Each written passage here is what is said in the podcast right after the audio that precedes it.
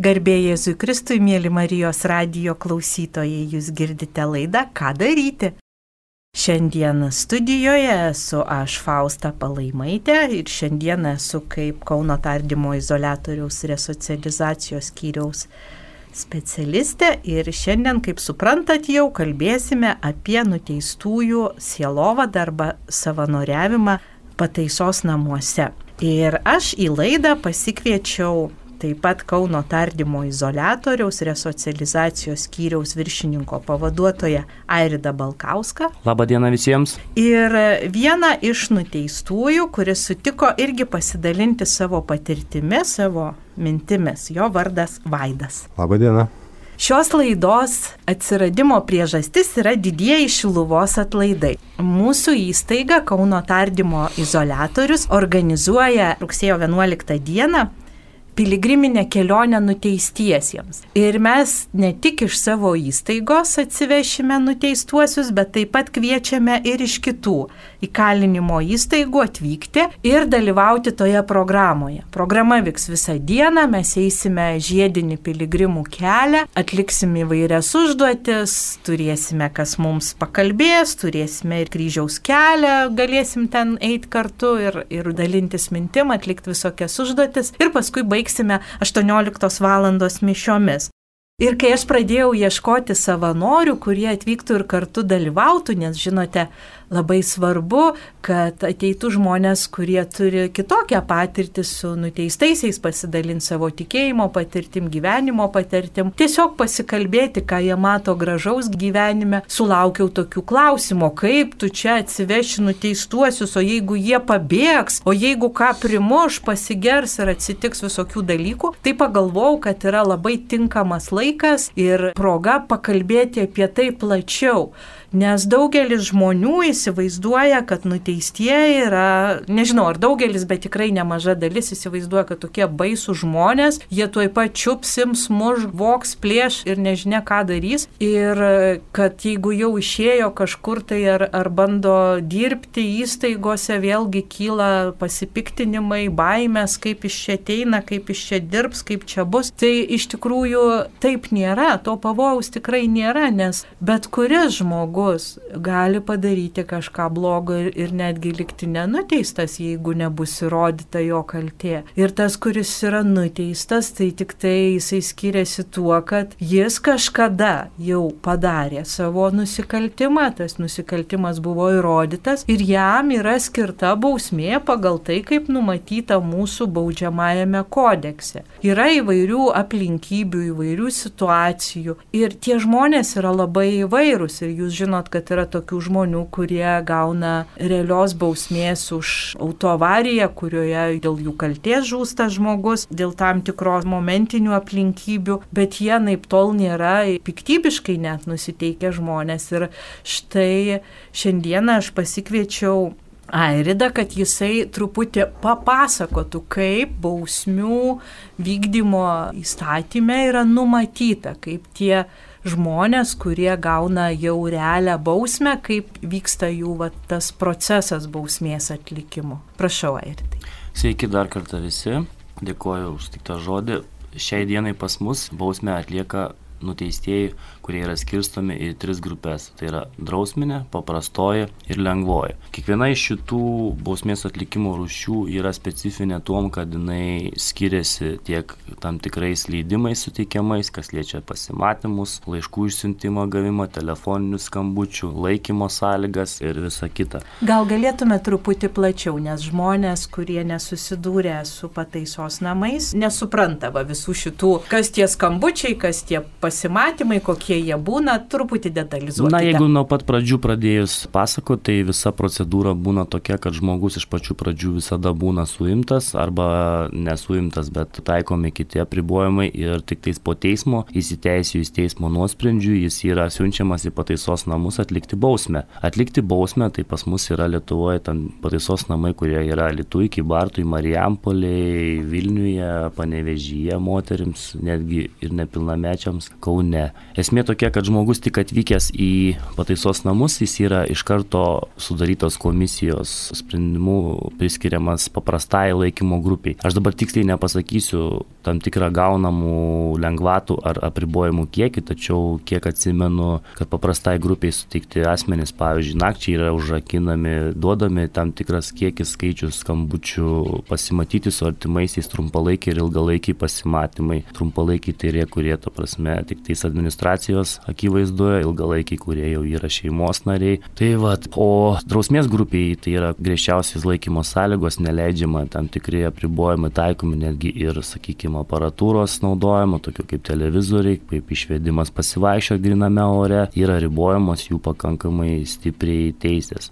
Lengvoji grupė, lengvoji grupė tai yra neribojami nei laiškų kiekiai, pavyzdžiui, skambučių galimybės yra visai kitokios, pasimatymas su artimaisiais ir visi kiti tie dalykai, kurie sieja nuteistai su artimaisiais. Tai va, kalbant apie šitą teisės institutą, kuris liečia, kaip mes kalbam, teistuosius besargybinius, tai jie galimi tik tais tiem asmenims suteikiama teisė gali būti tik tais tie, kurie turi paprastąją arba lengvąją grupę. Todėl, kad yra tam tikri reikalavimai keliami tiek elgesio normatyvai, tiek kiti nes bausmių vykdymo kodeksas aiškiai pareigoja, kad teisė be sargybos išvykti už įstaigos ribų, kaip sakė mūsų kolegė ir sesė Fausta, kad organizuojame renginį iš Šiluvos atlaidus, tai viskas tvarkoja, bet ten gali vykti tik tais tie asmenys, kurie turi teisę išvykti be sargybos arba be palydos. Ir ta teisė gali būti suteikta tik tais tokiomis sąlygomis, tam tikromis, kaip aš minėjau, kad jeigu asmo priklauso nuteistasis paprastai, lengvai grupiai, kai jo nusikalstama elgesio rizika yra maža, ta prasme žema arba vidutinė,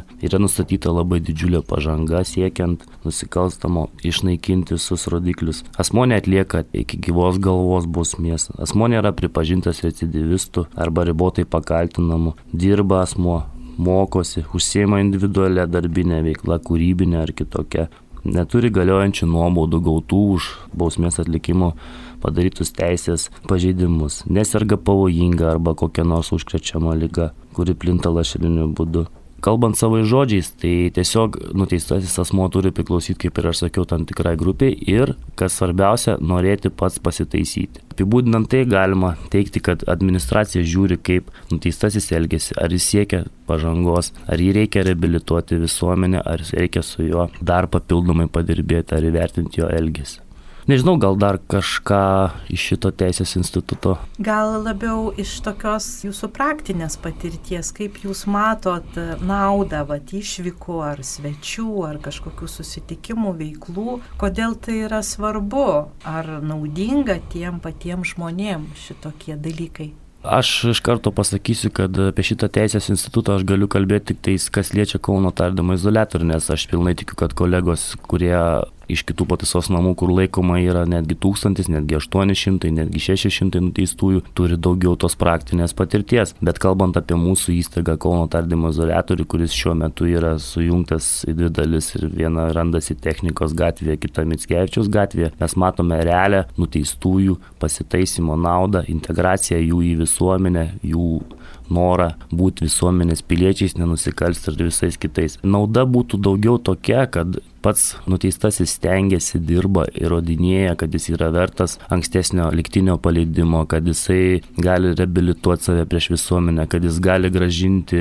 ieškinius, gali susitaikyti, netgi turime mediacijos atverį su labai sunkiu nusikaltimu, gali susitaikyti su nukentėjusiais, su jų artimaisiais. Minėtos dalykas, visi galvoja, kad besargyba tai yra kažkokia tiesiog pramoginė kelionė, dėja, ne, tai yra darbas, kada nuteistasis neša tikrai visuomenį didžiulę naudą dirbdamas už įstaigos, pavyzdžiui, ribų, sakykime, atlygindamas ieškinius, taip pat pats gaudamas tikrai irgi savo išlaikymui reikalingų lėšų, kas nusiema nuo visuomenės piliečių naštą mokestinę ir visi kiti. Taip pat galima priskirti prie tokių dalykų praktinių, ką aš labai įsitikinau prieš du metus atėjus dirbti į resocializacijos skyrių. Praktikoje nebūdavo taikoma, kad asmenys, kurie turi bestargybą, dirbtų už įstaigos ribų kažkokio į įmoniai, bet aš neku čia apie Mitskevičius veiklos adresų. Nebuvo taikoma, kad asmenys galėtų kažkur išvykti, ta prasme, pasižiūrėti, kaip atrodo žmonės, kaip pasikeitęs pasaulis. Ir iš tikrųjų pradėjus taikyti šitą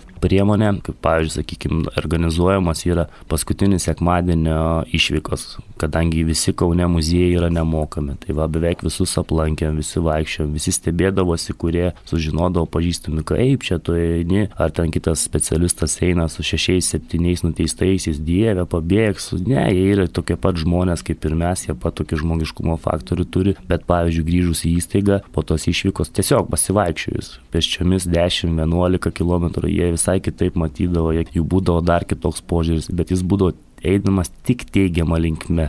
Taip pat aš labai džiaugiuosi, kad sesė Fausto organizuoja tokias išvykas kaip Šilova, kadangi jos suteikia tik tais teigiamas naudos, tik tais padeda integruoti asmenis į visuomenę socialiniam visokiom kitom priemonėm. Tai gali nebūtinai būti, kad visi norės, bet tas dalykas vyksta ir tik tais teigiamai.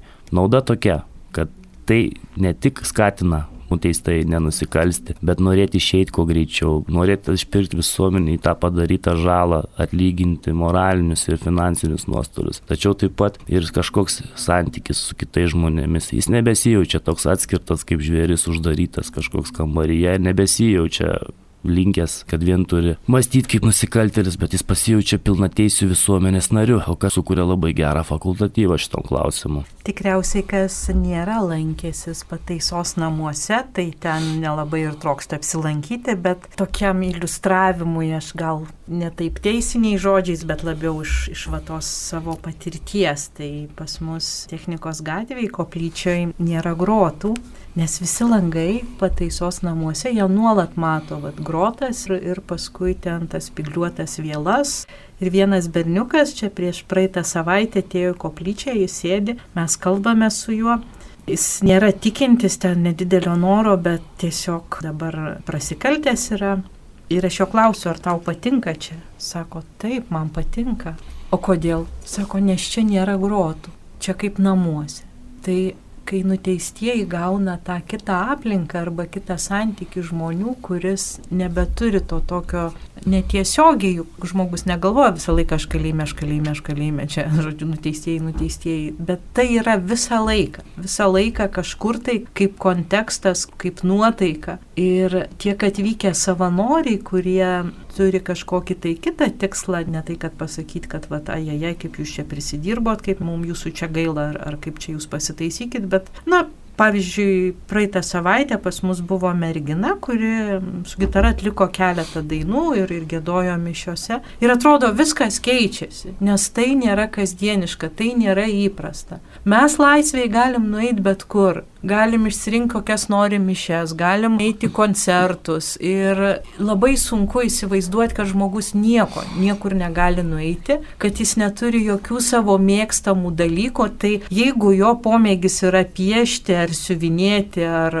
kažkaip tai tai tai, bet pavyzdžiui daugelio vyrų tai yra pomėgis mašinos, automobiliai, kelionės, tai visa šita išnyksta iš žmonių gyvenimo. Ir jeigu žmogus nuteisiamas ne vieniem, ne dviejiem metam, o ilgesniam laikui. Iš tikrųjų viskas keičiasi. Jūs pagalvokit, net vad Kaune ar ne prieš kokius penkis metus ir gatvės buvo kitaip, ir net vad visuomeniniu transportu keičiasi būdai, kaip pavažiuoti, ir maršrutai keičiasi, ir viskas keičiasi, ir telefonai keičiasi, jeigu kas po dešimt metų išeina, tai viskas kitaip atrodo. Vat tas būdas, kad žmonės atėję iš laisvės, palaiko kažkokį ryšį, dalinasi savo kažkokiais talentais ar tiesiog veda užimtumus, suteikia žmonėm galimybę jaustis tos visuomenės dalimi ir netitrūkti tiek toli. O mano noras vežti į tas religinės vietas dar yra dėl to, kad iš tiesų daugelis nuteistųjų ir nebuvo tokioje vietoje. Ir kai aš kviečiau važiuoti į Šiluvą,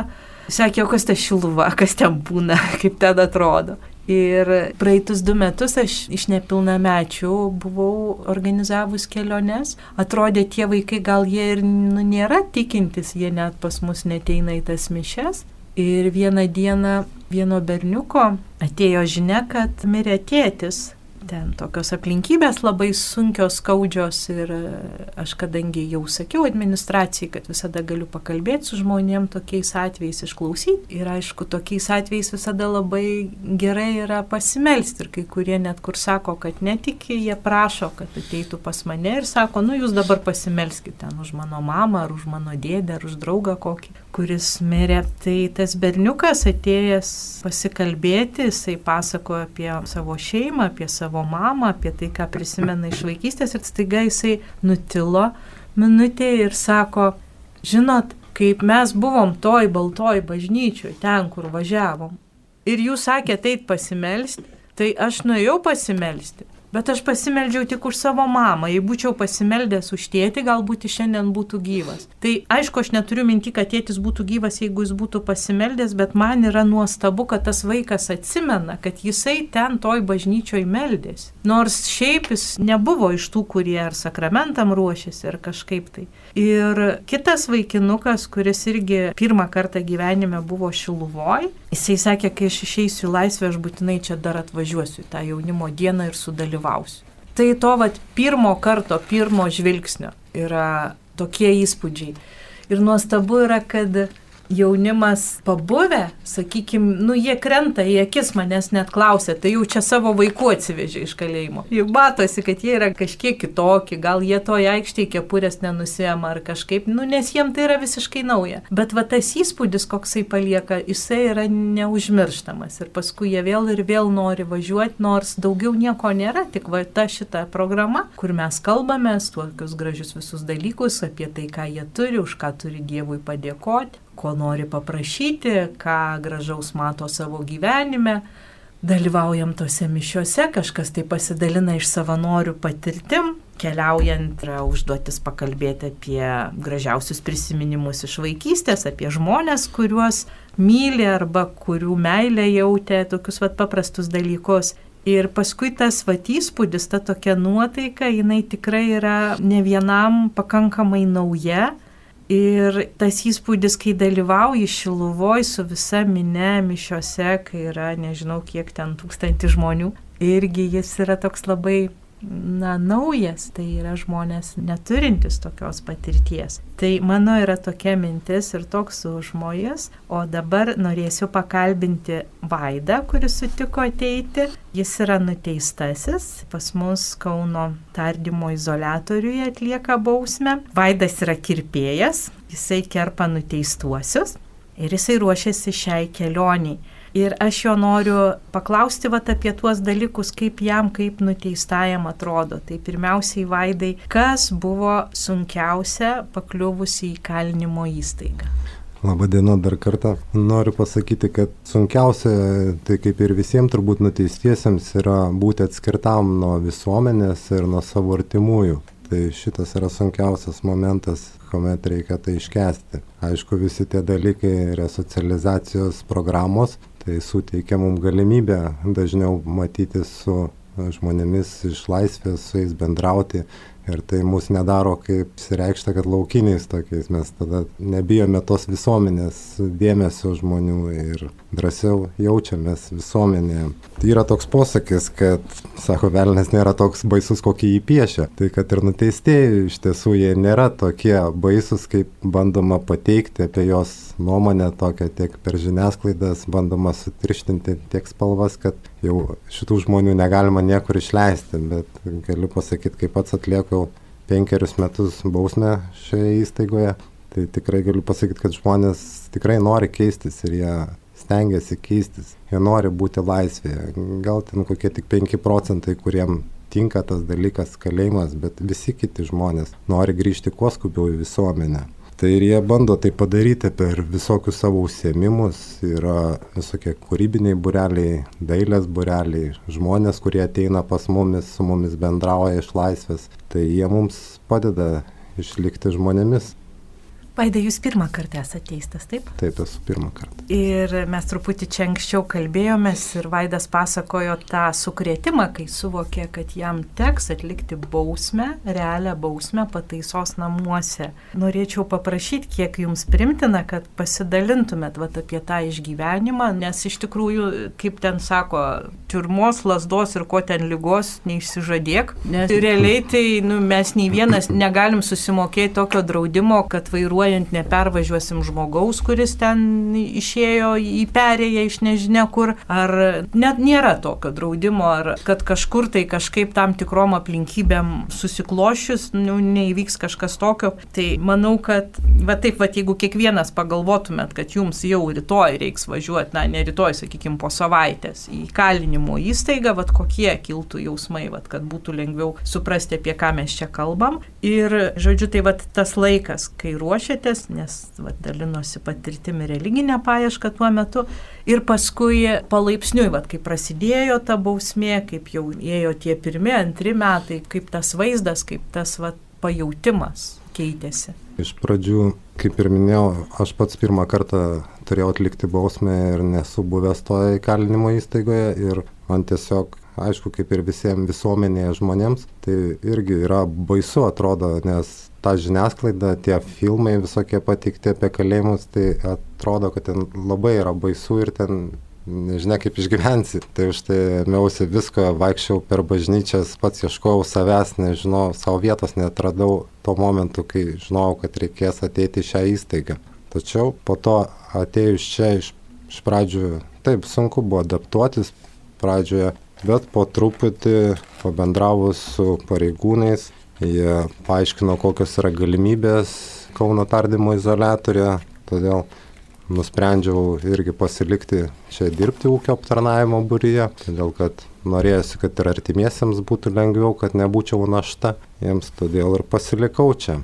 Po to, kaip save vesi, kaip save pateiksi, kaip stengsiesi, tuomet esi pastebimas, esi įvertinamas ir tada gali gauti ir lengvą grupę, ir besargybą išvykti už įstaigos ribų, įgauti pasitikėjimą ir nesinori niekuomet pavesti savo vadovų kokias galimybės suteikia ta besargyba konkrečiai? Ar tai galiu aš išeiti, vad baigėsi mano darbas kirpyklą ir einu savo grįšiu vakare 10 val. ar kada norėsiu? Ne, besargyba tai yra tik pagal paskiras išvykimas, mes negalim bet kada išeiti. O ką reiškia pagal paskiras? Paskira yra išrašoma tam tikram laikui, tam tikrai dienai, kažkokiam renginiui ar išvykai, kaip minėjo vadovas, tai yra muziejai, kiekvieną paskutinio mėnesio sekmanį vykstame į muziejus, tenai lankome ekskursijas. Tai tas labai yra didelis dalykas mums, labai svarbus. Ir dar yra taip pat galimybė dirbti laisvėje, ar ne, jau kai turi šitą statusą. Taip, yra tokia galimybė, tai aišku, atrenka vadovybė, tu turi būti irgi nepriekaištingos reputacijos, nepavesti žmonių ir tada suteikia galimybę, tokia yra galimybė dirbti laisvėje iš tų vat renginių, kokiu mes čia tokį slaptažodį naudojame resocializacija, tai pataisos namuose yra grupė pareigūnų ir pagal sutartį dirbančių darbuotojų, tarp jų ten psichologės ir aš, ir, ir dar kiti darbuotojai, kurie rūpinasi sukurti tam tikras priemonės, kad nuteistieji galėtų labiau vat, keisti tą savo elgesį, susiprasti, nes iš tiesų žinome juk ir tokių nuteistųjų mums rašo žiniasklaida, kad ten ten, nežinau, 20 kartą teistas ir 7 kartą teistas, tai nereikėtų susidaryti vaizdą, kad visi yra va tokie va žmonės, yra, kur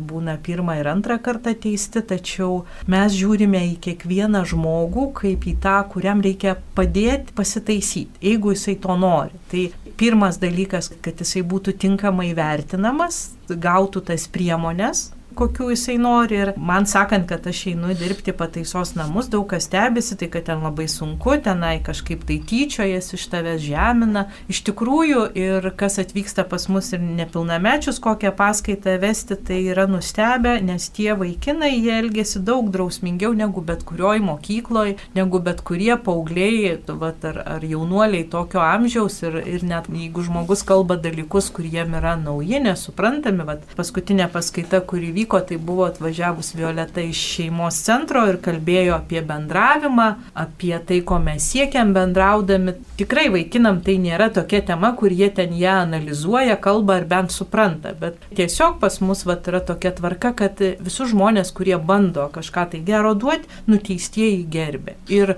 galima susitarti, ta prasme pasakyti, vat, kad pas mane grupeliai, pas mane koplyčioj, pas mane susitikime pageidautinas yra toks elgesys. Jeigu jums primtina, jūs elkitės taip, jeigu neprimtina, kitaip. Ir vat, pagal tą nuteistųjų elgesį jie labai dažnai ir atsiskiria į tas grupės, ar jie bus tie, kurie norės keistis, nes tikrai daugeliu iš būtent tam tikrose užsiemimuose yra kosmosas. Jeigu jie prieš tai nebuvę mokslus, ar ten nebaigė tos mokyklos, sunkiai išbūdavo mokykloje, jeigu jie buvo įpratę vartoti, priklausomi buvę, jų kompanijos užsiminėjo visokiais gatvės reikalais, tai po truputį įsijungdami tokias veiklas, lankydami atitinkamas programas, jie išmoksta visai naujų dalykų. Ir vat, antradienį buvau susitikus su vienu vaikinu, kuris atliko pas mus bausmę, dabar yra perkeltas į kitą įstaigą, jis man tuoj pat prisidavė, kad jisai praėjo programą pykčiui ir agresijai valdyti, kad jau jis jaučiasi daug tvirtesnis, kad jis jau jaučiasi, kad tokių nesąmonių nebedarys, kaip yra padaręs. Kaip ten bus, nežinome, bet tikrai yra tų priemonių, kurios gali padėti nuteistajam suprasti, kur buvo jo klaida. Ta prasme, net pats tas veiksmas, kuris yra nusikaltimas, bet kokiu būdu jis atėjo iki to veiksmo, kas ten toj galvoj vyko, kad šitaip atsitiko. Ir tada žmogus gali suprasti, ką jis turi pakeisti. Ir vienas didžiausių ženklų, kad žmogus keičiasi, tai yra jo noras dirbti kurie dirba pačioje įstaigoje, tai fontanų neuždirba. Pakalbėkime apie atlyginimus biški. E, nes pas mus technikos gatvėje kai kurie vaikai taip nori gauti darbelį, kad gavę darbelį, pradėję atlikti jį, jie galėtų uh, jau tikėtis ar liktinio paleidimo ar pereimo į, va, į tą besargybą. Ir jie taip to, nu, jau nori ir, ir žinot, bet jie juk neturi įgūdžių, jie nuteisti nepilnamečiai, tai dažniausiai neturėję to darbo, o kiekvienam darbė reikia ir ištvermės ir jau ten tos tvarkos ir nenusižengti ir visada išeiti į darbą, nepriklausomai kokia tavo nuotaika. Tai mano supratimu darbas yra pats geriausias ugdymas pas mus, ypatingai jaunimui. Suaugę, aišku, kitokią turi tą patirtį, bet tikrai esu ne vienas sutikus, kur irgi pas mane į koplyčią ateina ir sako, ką čia dar galiu padaryti, kad man duotų darbą. Airidai, papasakokit, ką jie turi tokio stebuklingo padaryti, kad gautų darbą ir kaip jisai duodamas ir kaip neduodamas kada atimamas. Stebuklingo čia nieko iš tikrųjų, sesė Fausta, nėra. Tiesiog jeigu žmogus nori dirbti ir mes kaip įstaigos administracija turim galimybių, mes tengiamės tą dalyką įtvirtinti. Darbų specifika ir spektras yra pakankamai įvairus, tai yra nuo darbo valgykloje, nuo patalpų tvarkymo, nuo remonto darbų, nuo už įstaigos, kurie turi teisę besargybos darbas firmose ir visose kitose dalykuose. Tačiau aš noriu pabrėžti vieną dalyką, kad beveik visi mūsų nuteistieji turi labai didžiulius, milžiniškus ieškinius, kuriuos kontroliuoja antstoliai, taip pat iš ankstesnių gal kažkokių, sakykime, nelegalių užsiemimų antstoliai jos siunčia labai daug laiškų ir ir tam iš tikrųjų nuteistajam pakankamai mažas kiekis atlyginimo lieka, kadangi dar tam tikra dalis yra sumokama ir suimtųjų nuteistųjų socialinį fondą. Asmenys, kuriegi dirba ten už įstaigos jau ribų, firmose, beje, dar tą temą nepabaigiant ant karštųjų pasakysiu, Vaidas nepasigyrė, kadangi jis šiandien buvo dviejose darbo pokalbiuose, aišku, jis mus gal po to apšvies, kaip ten jam sekėsi. Tai tęsiant toliau tas dalykas, tai kai mes administracija matome, kad tikrai nuteistasis nori taisytis, rinkim, kad ir to pačio Vaido pavyzdį, jis įstaigoje dirbo labai daug metų, jis irgi to nepaaiškino kirpėjų. Tai vaidai, kiek tu gaudavai algos, jeigu nepaslaptis rankas, kadangi ten skirtingi etatai, tu pilną etatų dirbi. A, taip, aš pilną etatą dirbu ir aš jau esu visus antstolius atlyginęs, tai ieškinius, tai dabar gauna apie 150 į rankas. Tai va, tai įsivaizduokit, jis jau dabar nebeturi jokių ieškinių, geranoriškai atlygino jos, nebeturi antstolių ir gauna 150 eurų rankas, kadangi tik tais tokią galimybę mes galim pasiūlyti, bet mes galim pasiūlyti, tai aš vėlgi kalbu apie mūsų Kauno Kauno tardymo izolatorių, kadangi tai yra pakankamai siaura darbų sritis. Mes esame įstaiga miesto centre, mes neturime tokių dalykų. Tai vad, baigiant, va, kaip pavyzdį pateikiant Vaidą, kadangi jisai nusipelnė iš tikrųjų ir starnavo savo elgesiu, kad jis būtų steigta teisė be sargybos ir kad jis galėtų dirbti už įstaigos ribų, tai jisai jau šiuo metu, kaip ir minėjau, buvo dviejose darbo pokalbėse ir jeigu pavyks, tai tada jau atlyginimai sviruoja pakankamai įvairiai, kaip žmogus sutarė 6, 7, 8. Nuo 8 iki 1000. Nuo 8 iki 1000 eurų. Tai iš tos sumos Vaidas vėlgi turės, kadangi vis tiek jis yra šiek tiek dar išlaikomas valstybės, jis nėra pilnai save aprūpinantis, kadangi ir patalpos, ir elektra, ir visa kita, jisai turės mokėti įmokas į suimtų nuteistųjų socialinį fondą. Čia priklausomai irgi kiekvienam nuteistojo individualus atvejais yra tais klausimais. Na, o grįžtant prie tos temos apie įdarbinimą Kauno tardymo izolatorių, tikrai garantuoja, kad administracija norėtų tikrai visus įdarbinti, kurios tik tais įmanoma, bet dėja pas mus pasiūla pakankamai yra ribota. Ir kitas dalykas, pavyzdžiui, mes Kauno tardymo izolatorius pirmieji praktiką pradėjom taikyti izolatoriuose, kad pradėjom darbinti netgi suimtuosius asmenys, kurie dar net buvo nenuteisti, neturėjo nuteistojo statuso, tai mes darbindavom tuos, kurie tik tais su tuo tikslu, kad jie turėtų užimtumą, šiek tiek užsidirbtų kelis, kaip sakoma, pinigėlius ir tai būdavo daroma ir kai kurių ten tų suimtųjų buvo daroma su didžiuliu džiaugsmu, kad jie galėdavo išeiti iš kameros, galėdavo ten kažką valyti, tvarkyti ir visa kita. Darbą galima prarasti labai greitai, nes nuteistasis vis dėlto turi savo elgesiu įrodyti, kad jis nori dirbti, jis negali atmestinai žiūrėti tuos dalykus, nes yra stebimas, visas jo darbas yra įtraukiamas į visas resocializacijos, užimtumo, pozityvaus programas, tuo pačiu siekiama integruoti asmenį į visuomenę. Nežinau, ką dar galėčiau tą temą pridurti, tačiau darbą galima gauti, bet jį galima ir labai greitai prarasti. Bet dar žinom turbūt iš visokių rašinių, kad yra tokia dalis nuteistųjų, kurie nieku gyvu neina dirbti ir jie ten žemina tuos, kurie dirba. Girdėjote apie tokius? Be abejo, aš esu ne teoretikas, o praktikas ir kaip ne kaip šitoje sistemoje dirbu jau 18 metų. Tačiau norėčiau grįžti geriau prie darbų, o šitos temos neskaluoti yra asmenys, kurie teigia, kad yra vienaip, yra asmenys, tai yra pareigūnai, kurie mano, kad yra kitaip. Yra žmonių, kurie nusiteikia ir jų gyvenimo būdas yra, ta prasme, jie susikorio patys savo iliuzinės taisyklės, kad aš nedirbsiu, aš nenoriu, aš ten negaliu dirbti, man neleidžia priklausomybė tam tikrai subkultūrai, kastai ir kitiems dalykams. Bet aš galiu bent jau vėlgi žvelgiant iš Kauno tardymo izolatoriaus praktikos pakankamai pasidžiaugti. Vėlgi negaliu, griež, tikrai negaliu atsakyti už kolegos iš kitų pataisos namų, kurie daug didesnį mastą turi nuteistųjų ir daug didesnį mastą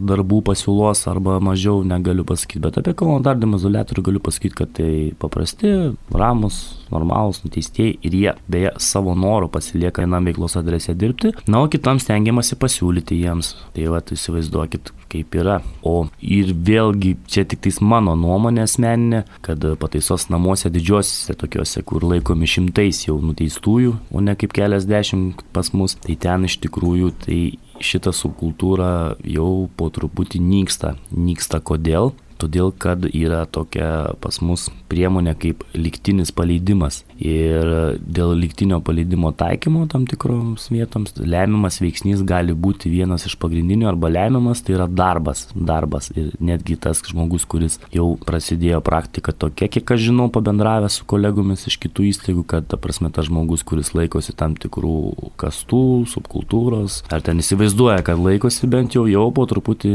pradeda pats prašytis, kad būtų suteikiamas darbas, kadangi tai vis tiek, kaip bebūtų, suteikiama yra galimybė išeiti liktinai anksčiau laiko. Tai tai labai didžiulis dėmesys kreipiamas yra.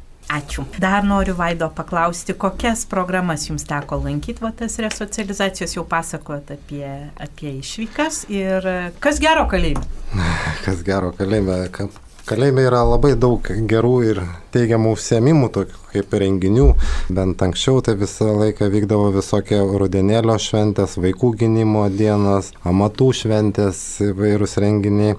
Atvirų durų dienos, kuomet galime susitikti su artimaisiais, su jais pabendrauti, ekskursijos, kaip minėjau, trijų parų išvykos atlikus pusę bausmės nuteistavime jau turi teisę išvykti į namus artimaisiais pasimatyti. Taip pat galime gyvūnėlius auginti, va, aš auginu katiną, turiu, tai labai tom džiaugiuosi. Iš karto, ta juoda blizgantis. Ta juoda blizgantis, iš karto teigiamų emocijų suduoda, kai grįžti iš karto geresnė nuotaika ir visi geresni patampa. Iš tiesų, atrodo, koks be piktas būtų tas nuteistasis ant visuomenės, ant visko, bet jisai va pamato tą gyvūnėlį ir iš karto švelnesnis patampa geresniu. Tai va, to, visiems nuo to geriau, manau, kad tas gyvūnėlis. Tai va, o dėl to darbų, tai noriu pantrinti viršininkui, kad iš tiesų ta subkultūra kaip ir išnyksta, iš, jos nėra, nes kadangi tenka kirpti nuteistuosius ir jie tikrai gerbė tos žmonės, kurie dirba ir apie juos nieko blogo negirdėjau, kad atsilieptai, jau kuo toliau,